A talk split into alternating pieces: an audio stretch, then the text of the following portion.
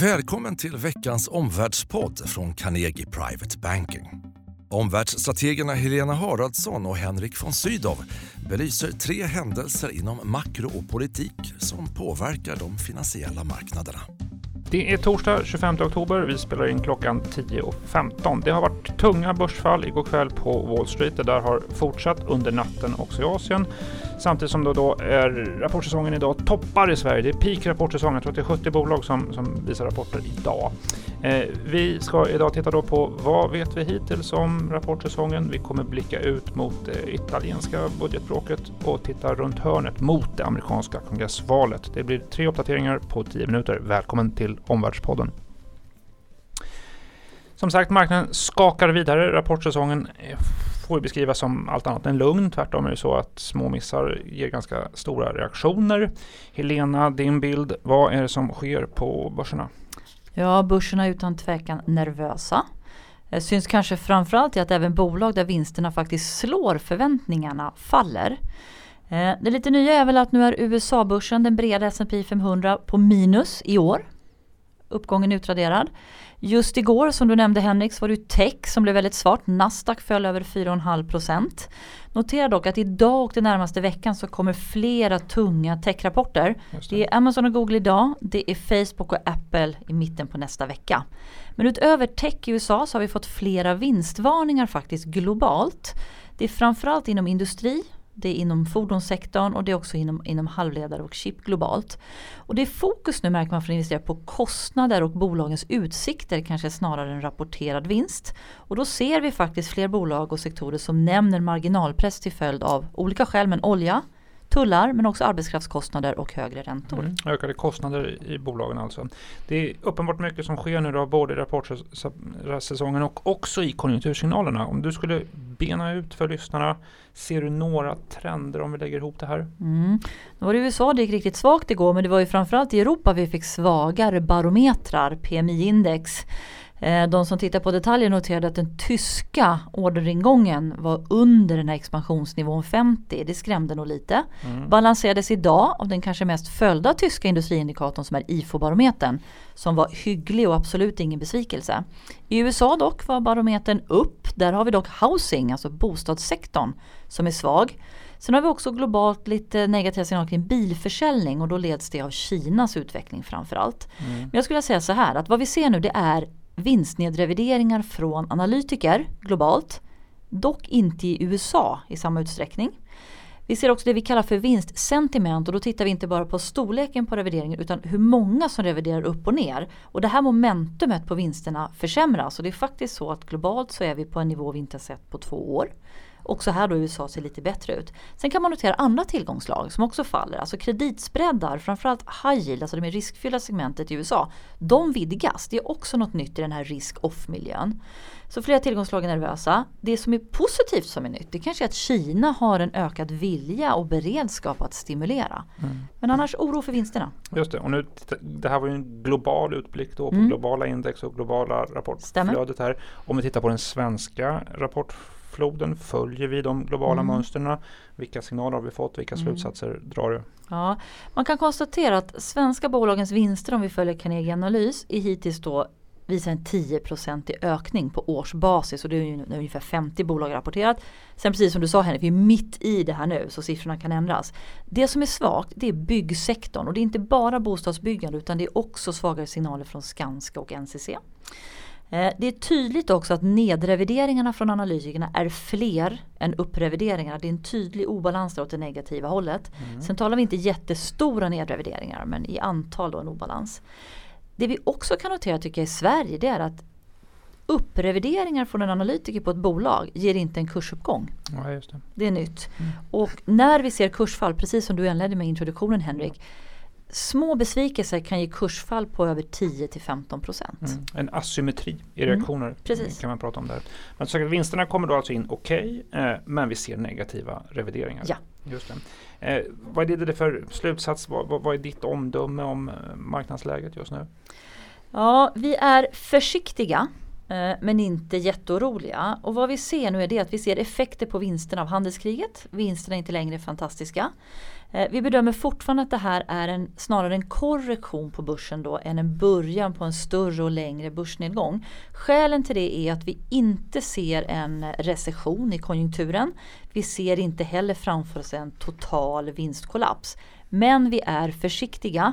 Man talar om en stödnivå på amerikanska börsen på S&P 500 någonstans runt 2600 eller strax under. det är det. intressant att se. Just det. Ehm, korrektion snarare än början på en recession. Då. Också en miljö med högre volatilitet. Absolut, större slagighet ska man definitivt vara beredd på. Mm. I den miljön, hur tycker du att investerare ska agera? Så både vi själva agerar och de råd vi ger till investerare det är att man ska vara lite försiktiga. Vi har ganska defensiva placeringsval. Eh, vi har pratat mycket om den stabila hälsovårdssektorn i USA. Eh, guld är ofta en trygg hamn i orostider. Eh, vi har tidigare talat i våra strategirapporter om optionsstrategier i olika former.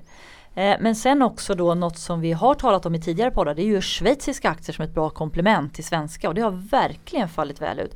De har gått ner men klarat sig betydligt bättre i den här turbulensen, defensiva sektorer. Trygghet i Alperna. Ja, precis. Sen kanske inte låter så tryggt. Vi brukar prata om kinesiska obligationer men det är i alla fall en diversifiering inom trygga ränteplaceringar. Och det är en räntemarknad som har ökat i värde nu när räntorna har stigit i USA och väst. Så det är intressant. I den här miljön, vad tycker du är viktigt att hålla koll på? Kan du lista tre saker i närtid? Absolut. För det första techsektorns rapporter men också börsens reaktioner på dem. För det andra när det gäller ränterisken i USA, Feds möte den 8 november. Och naturligtvis politiskt mellanårsvalen i USA. Vad sker där? Det är ju den 6 november. Just det, vi ska komma tillbaka till det snart. Din korta slutsats? Eh, vinsterna är ingen större besvikelse, mer normalisering. Men vinstsentimentet försvagas. Vi ser nedrevideringar, njugga reaktioner även på bra rapporter. Så förvänta er att vara beredd på stor slagighet och nervositet. Vårt huvudscenario är fortfarande en korrektion. Viktigt i närtid som vi sa då, techrapporter, Fed och kongressval. Mm, tack. Ja, vår andra analys för dagen. Eh, italienskt budgetbråk och EU-kommission som underkänner Italiens budget. Henrik, berätta mer. Var står vi och vart är vi på väg? Eh, budgetbråket mellan Italien och eh, Bryssel trappas upp. Det här är ju första gången som EU-kommissionen underkänner då ett medlemslands budget och ber dem återkomma med en ny. Och bakgrunden till förslaget är att budgetförslaget är för expansivt, det är för spendersamt, det visar för stora budgetunderskott, ett budgetunderskott på 2,4 procent. Det kan jämföras då med 1,6 procent det här året och 0,8 procent som egentligen då har, Italien har förbundit sig till. Det här ökar ju redan den stora skulden i en redan hårt skuldsatt ekonomi som dessutom är en stor ekonomi mitt i eurozonen. Det är mycket som står på spel. Det är otäckt mycket politik i det här. Det är en regering då också som är eh, oförutsägbar. Vad är nästa steg i processen? Italien har nu tre veckor på sig att presentera en ny budgetplan. Eh, skulle Rom vägra det här eh, så kan Bryssel införa sanktioner. Det där har aldrig hänt och det är en bit dit får man väl säga. Nu är den här dialogen eller brevväxlingen och det där kommer driva rubriker och, på, och, och därmed också driva marknadsreaktioner. Det kan till och med vara så att den italienska regeringen vill ha rubriker, vill ha konflikter med EU och Bryssel. Det där tjänar man inrikespolitiskt på. Eh, samtidigt som vi också vet att femstjärnerörelsen och också Lega ska sägas har säkert ögonen också på det här eh, valet till Europaparlamentet som ligger en bit fram i tid, maj 2019. Där har man förhoppningar om framgångar för egna partier och utmanande systerpartier som då ska eh, genom EP-valet kunna påverka sammansättningen av en ny kommission som står för en mindre stram eh, budgetpolitik. Mm. Hur har investerare reagerat på den här konflikten? Ja, vi har pratat om det tidigare. Alltså det här, den här konflikten får ju italienska räntor att eh, sticka i taket. Också Milanobörsen eh, faller ju vid, vid, vid, turbulens på detta. Det är ju också så att också de italienska bankerna är utsatta för det här. Bland annat för att de är eh, storägare av italienska eh, statspapper. Ja. Och som investerare, vad ska man hålla koll på? Ja, det är en händelse i närtid. Nästa punkt i det här dramat är faktiskt då imorgon, fredag, eh, så är det en uppdatering av det italienska kreditbetyget från standarden Porsche. Skulle det betyget sänkas till skräpnivå som det kallas då, ja, då är det ju ännu färre som vill köpa italienska statspapper och det, det gör italienska situationen än mer utsatt. Spännande, men den korta slutsatsen Henrik? tycker det är otäckt mycket politik i det här, var vaksam på det. Eh, vi vet också att Italien har inte råd att vara osams med eh, finansmarknaden. Så över till vår tredje och sista analys för dagen då. 6 november så är det kongressval i USA. Det här är ju faktiskt ett datum som kan trigga sentimentet. Berätta mer Henrik. Ja, nu är det nära i tid. Eh, 6 november som sagt. Det spelar roll. Ehm, eh, för den som kontrollerar kongressen påverkar förstås eh, presidenten Trumps då, möjligheter att få igenom sin politik. Därför är det viktigt. Skulle det vara så att Republikanerna fortsätter att behålla majoriteten i kongressen, då ökar ju också sannolikheten för att eh, kapitalskatter, inkomstskatter justeras nedåt och också en del ytterligare avregleringar blir enklare. Det där skulle möjligen då kunna vara något positivt för marknaden. Mm. Och slaget står ju mycket om representanthusen då, alltså den andra kammaren. Ja. Eh, nu är det ju svårt med opinionsmätningar men flera bedömare menar att det pekar mot att Demokraterna tar kontroll över representanthuset. Vad skulle det i så fall betyda? Eh, skulle Demokraterna ta kontroll över representanthuset då blir det svårare med genomförbarhet för eh, Trumps reformer. Eh, det blir lättare att starta riksrättsprocess mot Trump. Det blir lättare att starta de här utredningarna om Trumps eh, skatteärenden och hans kontakter med Ryssland. Det där kommer då i ett mycket skarpare läge. Det kommer ta ny fart och Trump kommer få ägna mer timmar åt detta. Han kommer mm. bli mer distraherad av det här.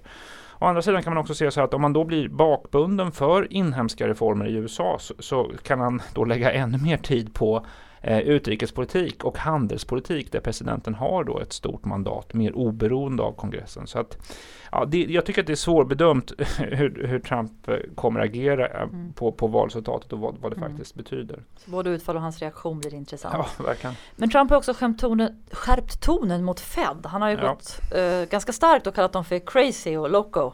Eh, är det här en mm. del i valkampanjen? Ja, det är delvis en internationell trend att eh, regeringsmakten skyller på oberoende centralmakter. Det ser vi ju ibland i Europa också. Det här är väl väldigt tydligt kopplat till både börsfall och kongressval. Ett sätt att skylla på, PED, på Fed eh, för att inte själv bli skylld på handelspolitik eller hans egna tariffer eller en an, annan Trump-policy. Sådär.